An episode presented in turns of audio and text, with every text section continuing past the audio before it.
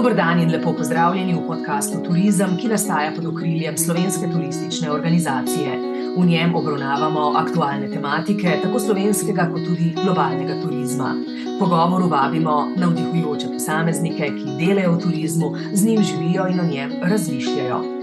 Tokratni gost podcasta Turizem je ministr za gospodarski razvoj in tehnologijo Zdravko Počivalšek. Lepo pozdravljeni. Ministrstvo za gospodarski razvoj in tehnologijo je lani številnimi ukrepi in turističnimi boni podprlo domači turizem. S tem je ministrstvo pomembno pomagalo oblažiti posledice epidemije na turizem. Kaj pa prinaša nov paket ukrepov, še posebej za turistični sektor? Ja, lepo pozdravljeni vsem skupaj. Ja, strani turističnega gospodarstva prejemamo različne predloge za uvrstitev v nov paket pomoči gospodarstvu in prebivalstvu, v tem zadnjem ali pa eh, novem paketu eh, številka 9. Predloge moramo še medresorsko uskladiti, saj se večinoma nanašajo na pristojnosti različnih resorjev. Vse te predloge proučujemo in se do njih eh, na nek način opredeljujemo. Upamo, pa najprej, da se bo epidemiološka slika dovolj izboljšala, da bo tudi ta dejavnost ponovno začela delovati, eh, ter da eh, novi ukrepi na nek eh, srednji rok ne bi bili več potrebni. Nekatere pretekle ukrepe smo podaljšali, z njimi želimo pomagati pri, pri premagovanju likvidnostnih težav podjetij in ohranjanju delovna mesta. To je bil na koncu koncev pač eh, osnovni cilj eh, vsega ukrepanja v odnosu do celega gospodarstva. Tako se je s PKP 8 podaljšal ukrep čakanja na delo do, od 1. februarja do 30. aprila, z možnostjo podaljšanja ukrepa s sklepom vlade še za dvakrat po en mesec. V PKP 8 je vlada sprejela tudi ukrep subvencioniranja minimalne plače v prvi polovici leta 2021, v drugi polovici pa razbremenitev delodajalcev pri plačilu prispevkov za socialno varnost za delavce v delovnem razmerju.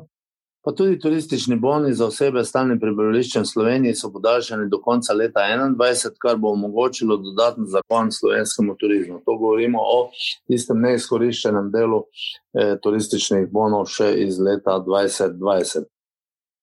Doslej je turistično gospodarstvo v največji meri koristilo naslednje ukrepe in sicer eh, subvencioniranje čakanja na delo, V letu 2020 je bilo subjektom iz gostinstva in turizma, vključno z žičnicami in industrijo srečanj, izplačanih nekaj več kot 105 milijonov. Ukrep je v lanskem letu koristilo 5982 eh, poslovnih subjektov, oziroma 34418 oseb iz gostinstva in turizma.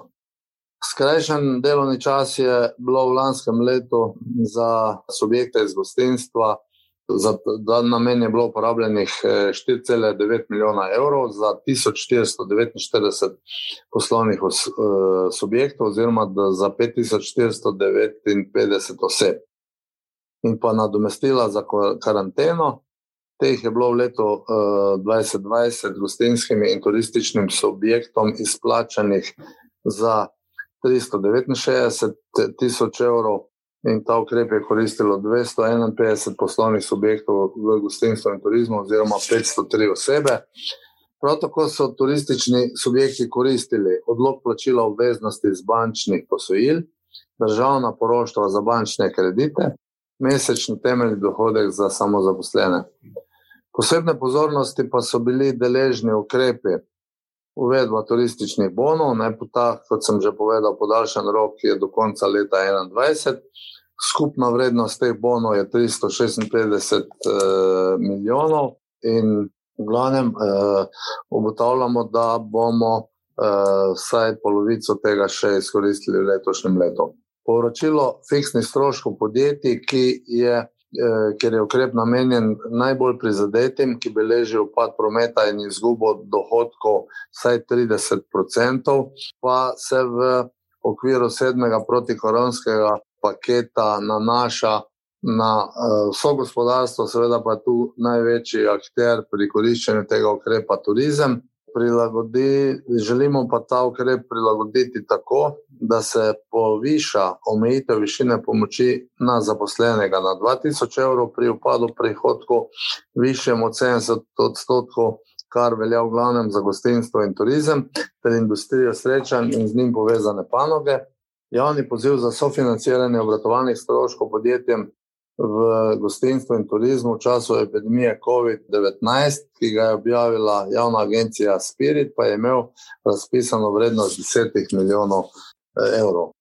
Prav tako je potrebno izpostaviti, da so prilagoditve obstoječih finančnih ukrepov in uvedba novih eh, garancij za bančne kredite za mala in srednja podjetja, pri čemer izpostavljamo posilni sklad za turizem, ki ga zdaj v višini 160 eh, milijonov evrov, ki se je zaključil. Pripravi pa imamo nov eh, sklad, eh, delamo na tem SID banko, zato da bi eh, naredili možnost ali pa turističnemu gospodarstvu omogočili nov investicijski zagon, kajti mi mislimo, da bo turizem po obvladanju COVID krize drugačen, kot je bil doslej in tukaj vidimo veliko prednost eh, pri naši že v osnovni, eh, naši že osnovni orientaciji v eh, aktivni zeleni, zdravi in pa botični eh, turizem. Dodatno k temu bo slovenski podjetniški sklad nudil brezobrestne kredite za mala in srednja podjetja v višini 90 milijonov eh, evrov in pa državne subvencije bomo imeli za ponovno spostavitev letalskih povezav s Slovenijo želimo pač Slovenijo pripeljati čim več tujih turistov. Ampak tako kot bo uh, obnova turistične panoge težka, tako bo tudi zelo težko in pa mukotrpno delo na uh, letalskih uh, povezavah, zaradi stanja, v katerem je ves letalski transport v celem svetu sredi te hude krize. V zadnjem tednu smo priča izboljševanju epidemiološke slike. Kdaj bi lahko po vaši oceni prišlo do sprostitve ukrepov in kdaj do odpiranja nastanitev? Ja, vsi čakamo na izboljšanje epidemiološke slike, do te mere, da se lahko odprejo tudi gostinski in nastanitveni obrati. Seveda pa se moramo zavedati, da je prvi vrsti skrb za javno zdravje ter varovanje zdravja gostov in zaposlenih in do odpiranja nastanitvenih obratov gostinskih objektov bo prišlo v skladu z vladnim načrtom sproščanja ukrepov za zajezitev epidemije. In po tem načrtu naj bi se gostinski objekti odprli v zeleni fazi, ko bo sedemdnevno podprečje manj kot 300 okuženih. Osnovni cilj namreč eh, našega ministrstva je, da v najkrajšem času enkrat za vse odpravimo ukrepe in sprostimo izvajanje delovanja vseh panogah. Šele takrat bomo lahko vsi zadovoljni. Situacija gre na bolje. Eh, pri nas v tem trenutku, čeprav se v okolici na nek način pojavljajo neke druge nevarnosti skozi eh, nove eh, soje. Jaz verjamem, da bomo potem relativno trdem lockdownu zgodbo pripeljali do tega, da bo eh, število novo okuženih še vedno upadalo in da se bomo maksimalno hitro približali tej zahtevi iz eh, tako imenovanega semaforja 300 novo okuženih oziroma manj, da lahko začnemo s pomembnimi koraki tudi na področju turizma. Zdaj lahko ocenjujem ali pa ne, v tem smislu časovnem s pogledom naprej, ampak bi eh, se zadržal pri tem, da kljub vsemu optimistično pričakujem, da bomo to krizo obvladali do te mere, da bomo v nekem doglednem času lahko odprli tudi eh, gostinsko-turistično dejavnost. Veliko je govora o sklenih ukrepih glede potovanj, kot so naprimer cepilne knjižice ali možnost potovanj z negativnim COVID-testi. Kako bomo torej lahko potovali, oziroma kaj bo verjetni pogoj za potovanja? Pomembno je tudi usklajevanje pri teh ukrepih na ravni EU, a ne da? Ja, v okviru Evropske unije poteka razprava o tem, eh, kjer so mnenja držav članic Evropske unije različna.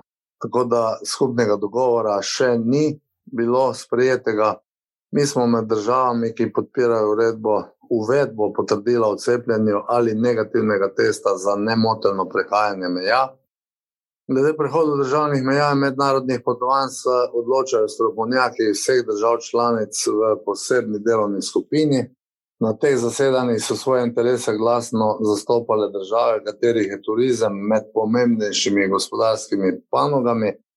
Vse smo obravnavali tako ekonomski, eh, kot pa tudi eh, zdravstveni interes in pa in, eh, cilj za jezitev širjenja koronavirusa, oziroma omejitev ali pa za jezitev eh, pandemije. Na našem ministrstvu ocenjujemo, da lahko to vrstne ukrepe ukrep, ki je namenjen nadzorovanju in omejevanju prenosa okužb s COVID-19, predstavlja učinkovito orodje v smeri hitrejše zaezitve pandemije. Številom okužb in stanjem epidemiološke slike pa je namreč pogojeno obratovanje mnogih gospodarskih dejavnosti, eh, tako v Republiki Sloveniji, kot tudi v celotni Evropski uniji. Še posebej na področju turizma, gostinstva in industrije, srečen pa smo na to, temu občutljivi, zato je uvedba ukrepov, ki zmanjšujejo možnost za prenos okužb strani eh, s, s COVID-19, eh, pač bistvenega pomena. In jaz se tukaj nadejam, da bomo našli neko svojo evropsko rešitev. Letošnje leto je leto res velikih in globalno odmevnih dogodkov, med drugim tudi svetovne razstave Expo v Dubaju. Kaj si od Expo obeta Slovenija? Ja, letošnje leto je za Slovenijo izjemno pomembno in aktivno. Sodelujemo oziroma smo del največjih globalnih dogodkov, ki jih moramo izkoristiti pri našega turizma in gospodarstva nasplošno. Naj omenim samo nekaj teh dogodkov. Ravno kar na pokljuki poteka svetovno prvenstvo v biatlonu do 21. februarja. Celo letošnje leto smo nosilci, razvoja, na, smo nosilci naziva Evropska gastronomska regija leta. Čakajo pa nas še poletne olimpijske igre v Tokiu v juliju in avgustu letos, predsedovanje svetu Evropske unije, ki bo teklo od julija do konca letošnjega leta, in pa svetovna razstava Expo 2020 v Dubaju, ki bo potekala zadnje tri mesece letošnjega in pa prve tri mesece naslednjega leta. Vsi ti omenjeni dogodki so za nas zelo pomembni in prihajajo v času, ko se vsi skupaj nadejamo za to, na epidemije in ponovnega vzpona gospodarskih in drugih kazalcev. Obetamo si uspešno predstavitev Slovenije kot privlačne turistične destinacije na obeh omenjenih trgih, na Japonskem, Združenih arabskih emiratih ali če hočete v zalivskih državah, ter povečanje števila turistov iz obeh trgov, a tudi širše, saj sta ta pomembna mednarodna dogodka z veliko med, mednarodno medijsko pozornostjo. Med drugim pa Expo 2020 pomeni tudi največji dogodek v zgodovini te razstave. Na njem bo namreč sodelovalo 192 držav, 83 od njih se bo predstavilo z vlastnim paviljonom.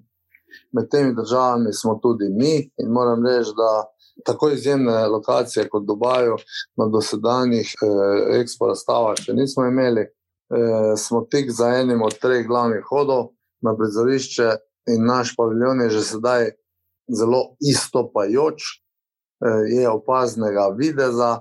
Imamo zeleno fasado s 45 tisoč sadikami, lesena streha in, hodna, eh, in vodna gladina okrog paviljona. To je prednost, ki pomeni več obiskovalcev, več zanimanja za to, kar bomo na paviljonu kot država ponudili in predstavili. In seveda računamo na dvoje, na poslovne stike, B2B, na konference, mreženje. In verjamem, ne, da bomo izvedli ali pa da bomo participirali pri načrtovanem deležu 25 milijonov obiskovalcev v šestih mesecih, eh, in skozi to eh, sem pripričan, da bomo peljali dobro turistično promocijo.